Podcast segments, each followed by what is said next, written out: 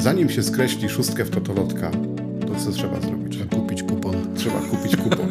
No stracić, coś stracić. Tak, trzeba coś stracić, no nie? Z czegoś zrezygnować, od czegoś się odwrócić, żeby móc skreślać tą szóstkę. Cześć Mateusz. Cześć Piotrze. Dzisiaj temat szalenie ważny. Bardzo. Związany z naszą wiarą. Bardzo ważny, bardzo poważny. Na naszej tablicy zapisaliśmy sobie ten temat symbole wiary.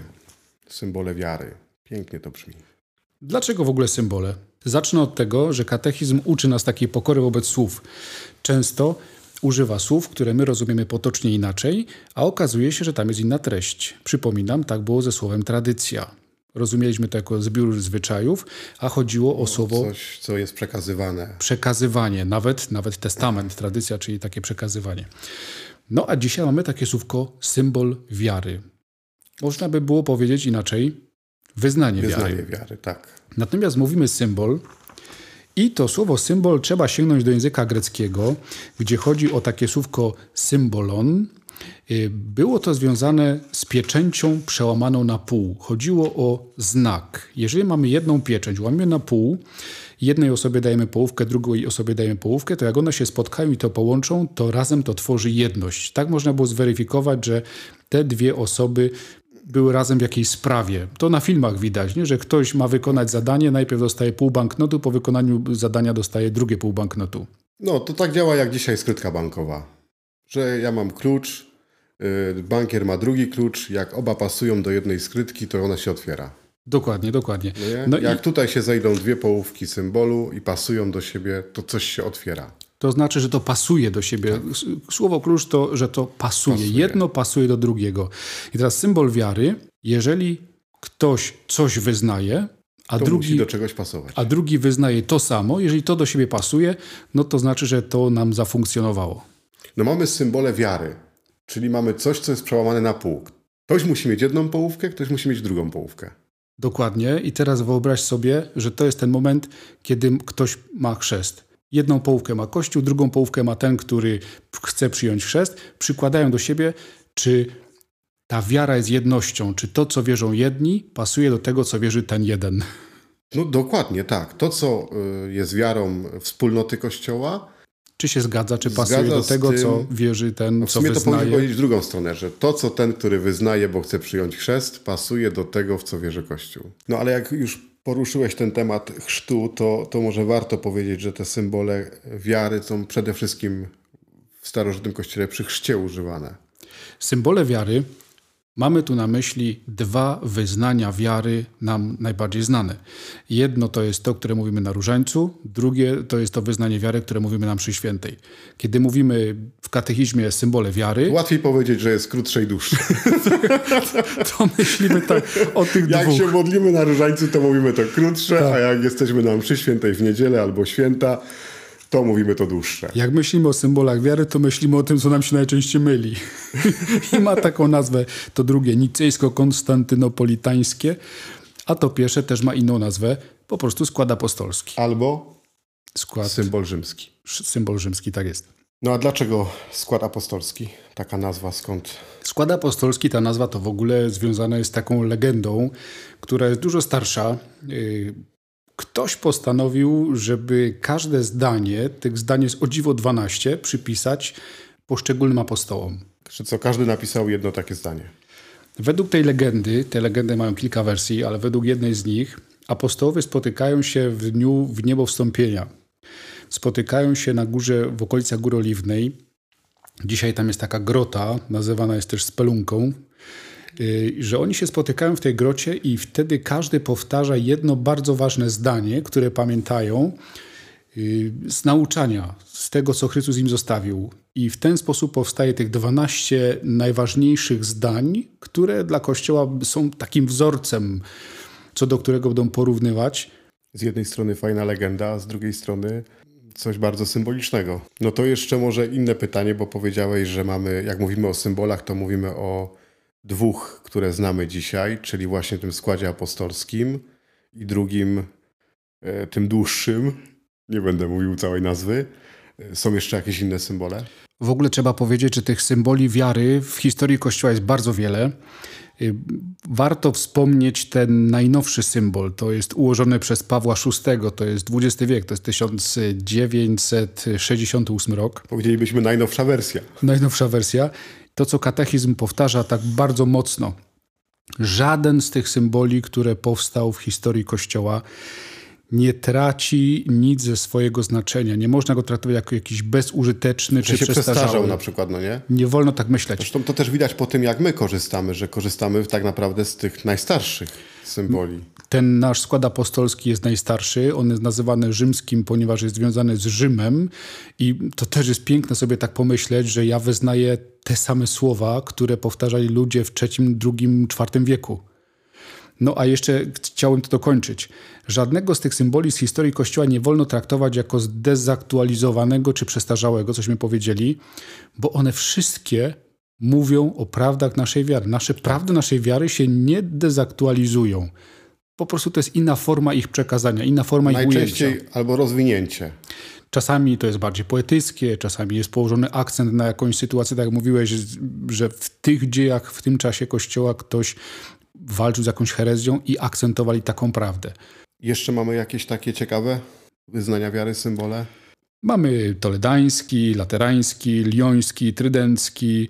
Pokazują też taką ważną prawdę, że w tej późniejszej historii Kościoła najczęściej wyznania wiary, symbole powstawały na soborach, ewentualnie synodach. No to ja bym cię jeszcze zapytał, y, jaki był najprostszy symbol wiary w Kościele i skąd pochodził? No myślę, że to warto też rozwinąć to pytanie. To byś tak jak zapytał, jakie było najprostsze wyznanie wiary. Tak. Więc najprostsze wyznanie wiary, którym można było sprawdzić, że moje wyznanie pasuje do wyznania danej wspólnoty, to było wyznanie, że ja wierzę w Ojca, w Syna i w Ducha Świętego. I pochodziło od, Pochodziło to wyznanie od samego Jezusa. od samego Jezusa, no nie? To jest niesamowite, że pierwszy symbol wiary dał nam sam Pan Jezus. Czyli Jezus dał taki próbnik, nie? Jeżeli ktoś będzie wyznawał to, to znaczy, że jest blisko was.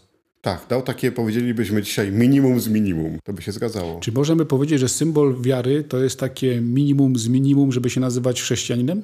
Tak. No tak, bo trzeba powiedzieć, Bo że przyjmował- przekazywanie wiary nie czyni człowieka chrześcijaninem. No nie? Człowieka chrześcijaninem czyni moment Chrztu Świętego.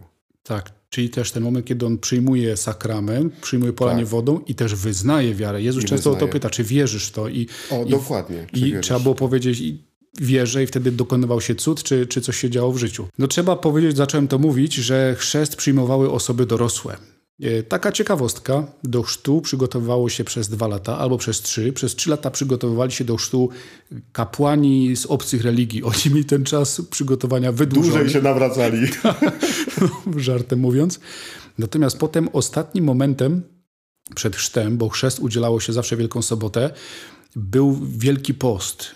Warto wiedzieć, że nie od samego początku Wielki Post był tak, jak my dzisiaj go rozumiemy, utożsamiany z 40-dniowym pobytem Jezusa na pustyni, z tym czasem takiego nawrócenia serca, kruszenia serca i, i pokutowania. Tylko Wielki Post był czasem ostatniego takiego wzmożonego przygotowania do przyjęcia chrztu. Tak. I, I ten nasz charakter postu pojawia się tak naprawdę, to wyczytałem, dopiero po edykcie mediolańskim, kiedy znikają prześladowania, religia y, chrześcijańska dostaje no, duże fory, można się swobodnie rozwijać i ludzie zaczęli już tacy być tacy letni, a już nie trzeba się tak pilnować, już nie trzeba być takim wyrazistym w swoich przekonaniach. Tak. I wtedy Wielki Post biskupi zachęcają, czy ci, którzy prowadzą Kościół, mówią: wróćmy do pierwotnej gorliwości. Ten czas pokuty, ten czas postu niech będzie takim czasem powrotu do tego, cośmy na chrzcie Tu, otrzymali. tu było jeszcze więcej nawet, że do tego momentu edyktu mediolańskiego e, był sposób na to, żeby w sposób mężny wyznawać wiarę.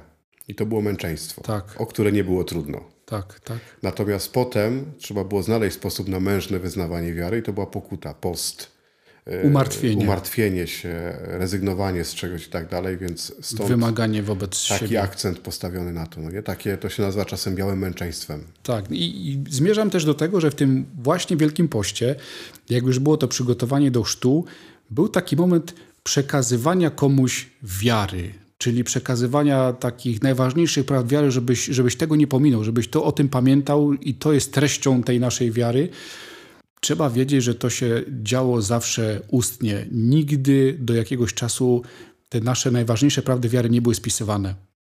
Człowiek, który chciał przyjąć chrzest, musiał się tego nauczyć na pamięć i potem w odpowiednim momencie, tuż przed chrztem, wyrecytować to, powiedzieć z pamięci, że on to zrozumiał, że on no, no przyjął to. No to, to już mówiliśmy, że to jest to samo, co przy treści liturgii, no nie? Że też biskup mówił ją z pamięci, nie z księgi. Tak, tak, tak, tak, tak. To, co takie najbardziej istotne w kościele przez długi czas było tylko w pamięci. No i potem był moment chrztu i potem człowiek starał się żyć według tego, czego się nauczył przez te dwa, trzy lata i, i ten wielki I co post. otrzymał na chrzcie świętym. I co otrzymał. Według łaski. Były jeszcze katechezy po mszy, przepraszam, po chrzcie.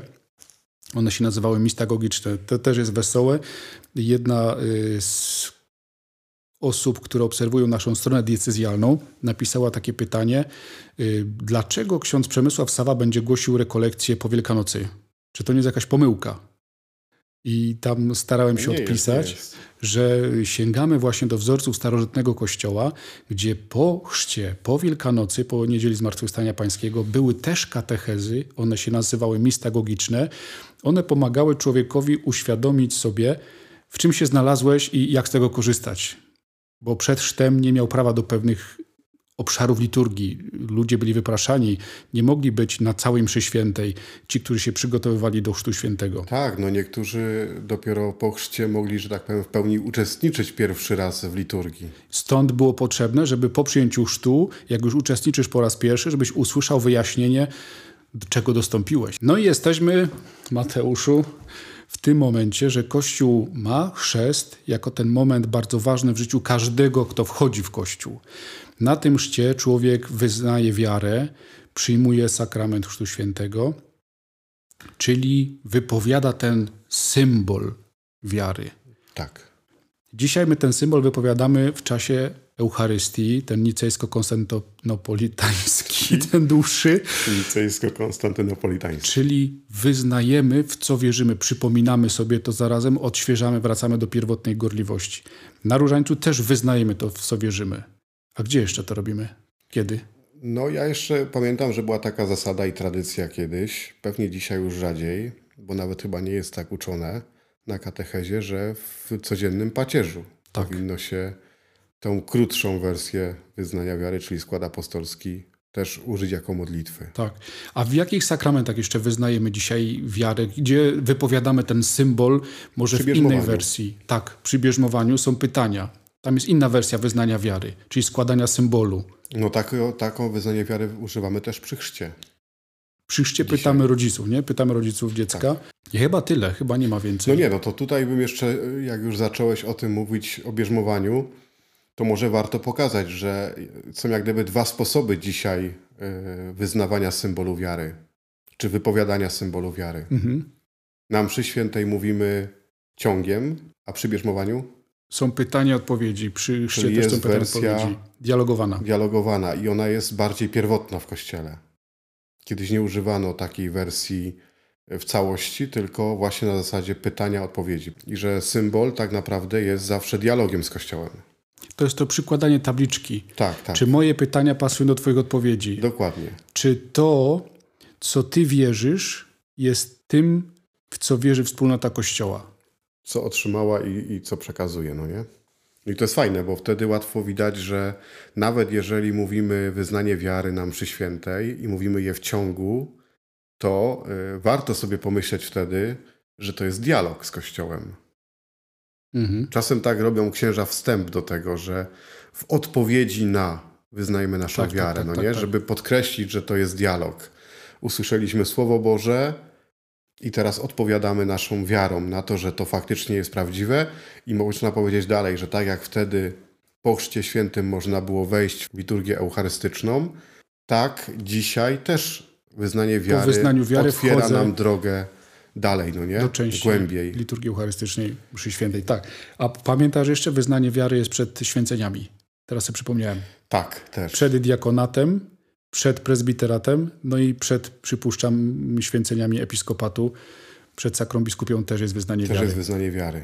I to jest y, jedna, jedna rzecz. Ja bym jeszcze chciał y, jak gdyby w drugą stronę pójść i, i skoncentrować się na tym człowieku, który wypowiada wyznanie wiary. Czyli odpowiada na pytania i mówi wierzę.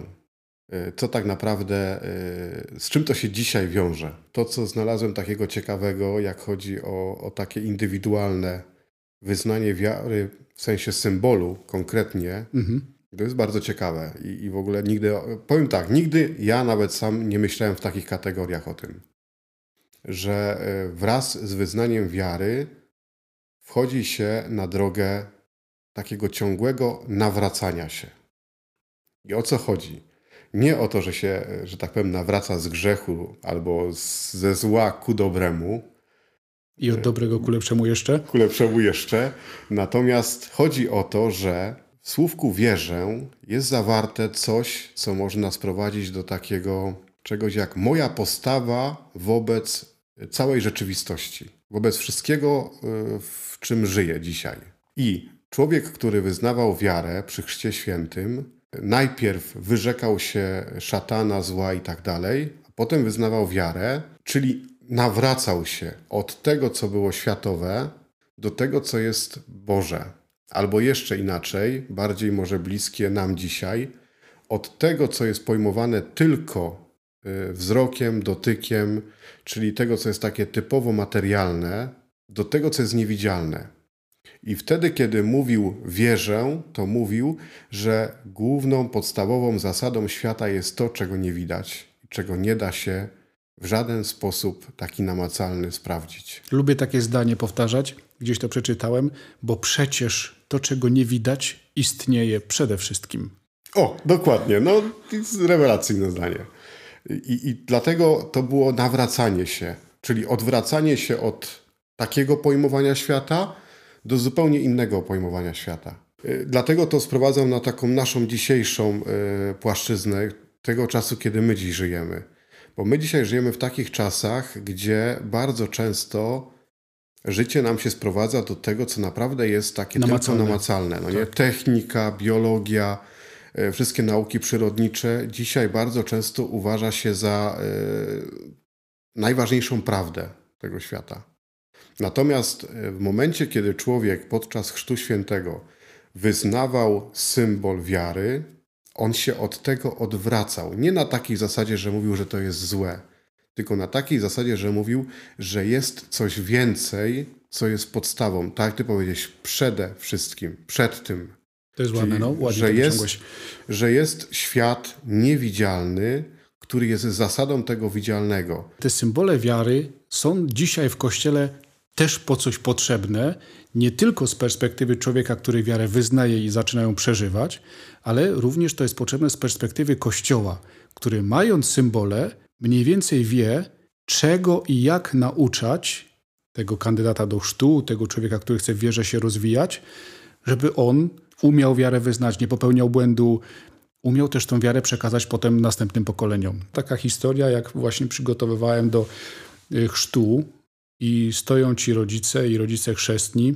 i próbowałem im powiedzieć, że warto w życiu tak dołożyć starań, żeby swoją wiarę, którą oni dzisiaj prezentują i wypowiadają wobec kapłana w momencie chrztu, przekazać temu dziecku.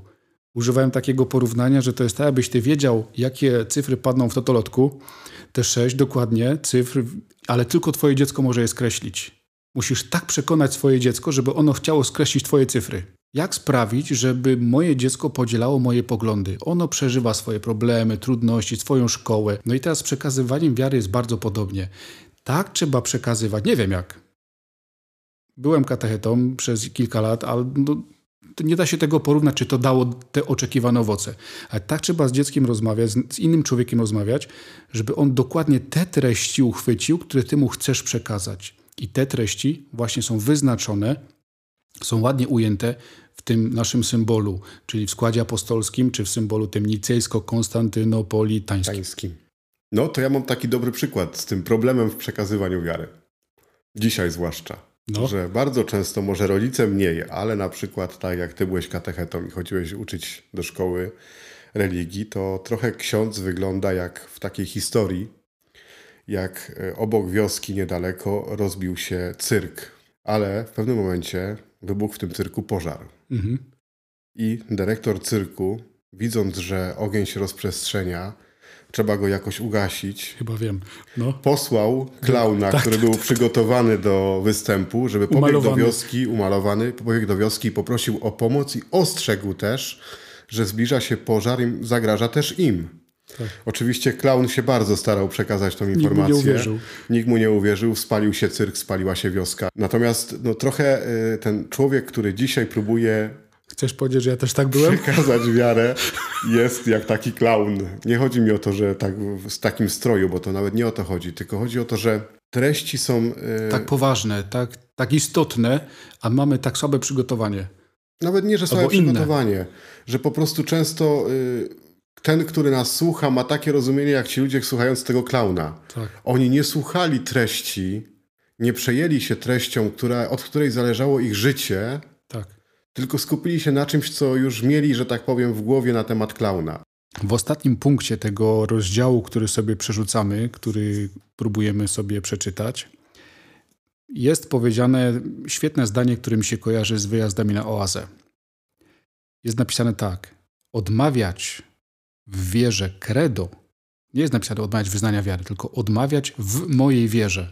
Skład, czy ten symbol, odmawiać w wierze symbol, to znaczy wchodzić w komunię z Bogiem, Ojcem, Synem i Duchem Świętym a także z całym kościołem.